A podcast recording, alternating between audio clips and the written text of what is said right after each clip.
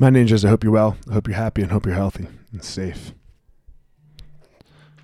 So, yesterday I talked about standing up and fighting, right? Like, like fight.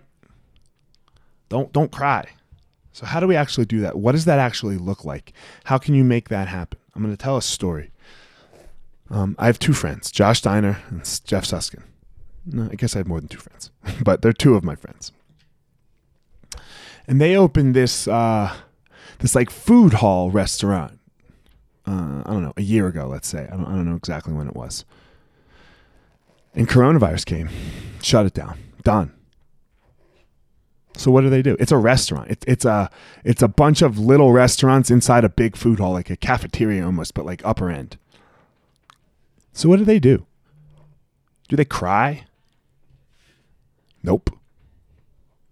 They turned the food hall into a grocery store.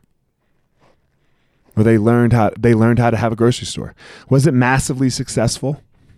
Was it was it where they were before? Was it uh, was it as great as what they had before? Of course not. No, they're not. Uh, they're not supermarket guys. But they figured it out. They they moved. They adjusted. They they didn't sit there and go, "Oh my God, I can't believe the governor's doing this to us," and then, "Oh my God, I can't believe Trump's doing this to us," and "Oh my God, maybe they did." Maybe they did behind closed doors. Maybe they did to their friends. Maybe they did to their wives and their spouses and and, and, and whoever. But they didn't they, they didn't with their life. I get it. Sometimes we have to vent. I understand that. But what are you doing? Are you moving? Are you moving like Josh and Jeff?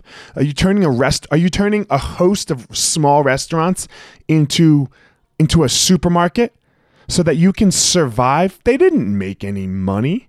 They didn't profit. They just didn't die. They gave themselves the opportunity to stay alive and find their power.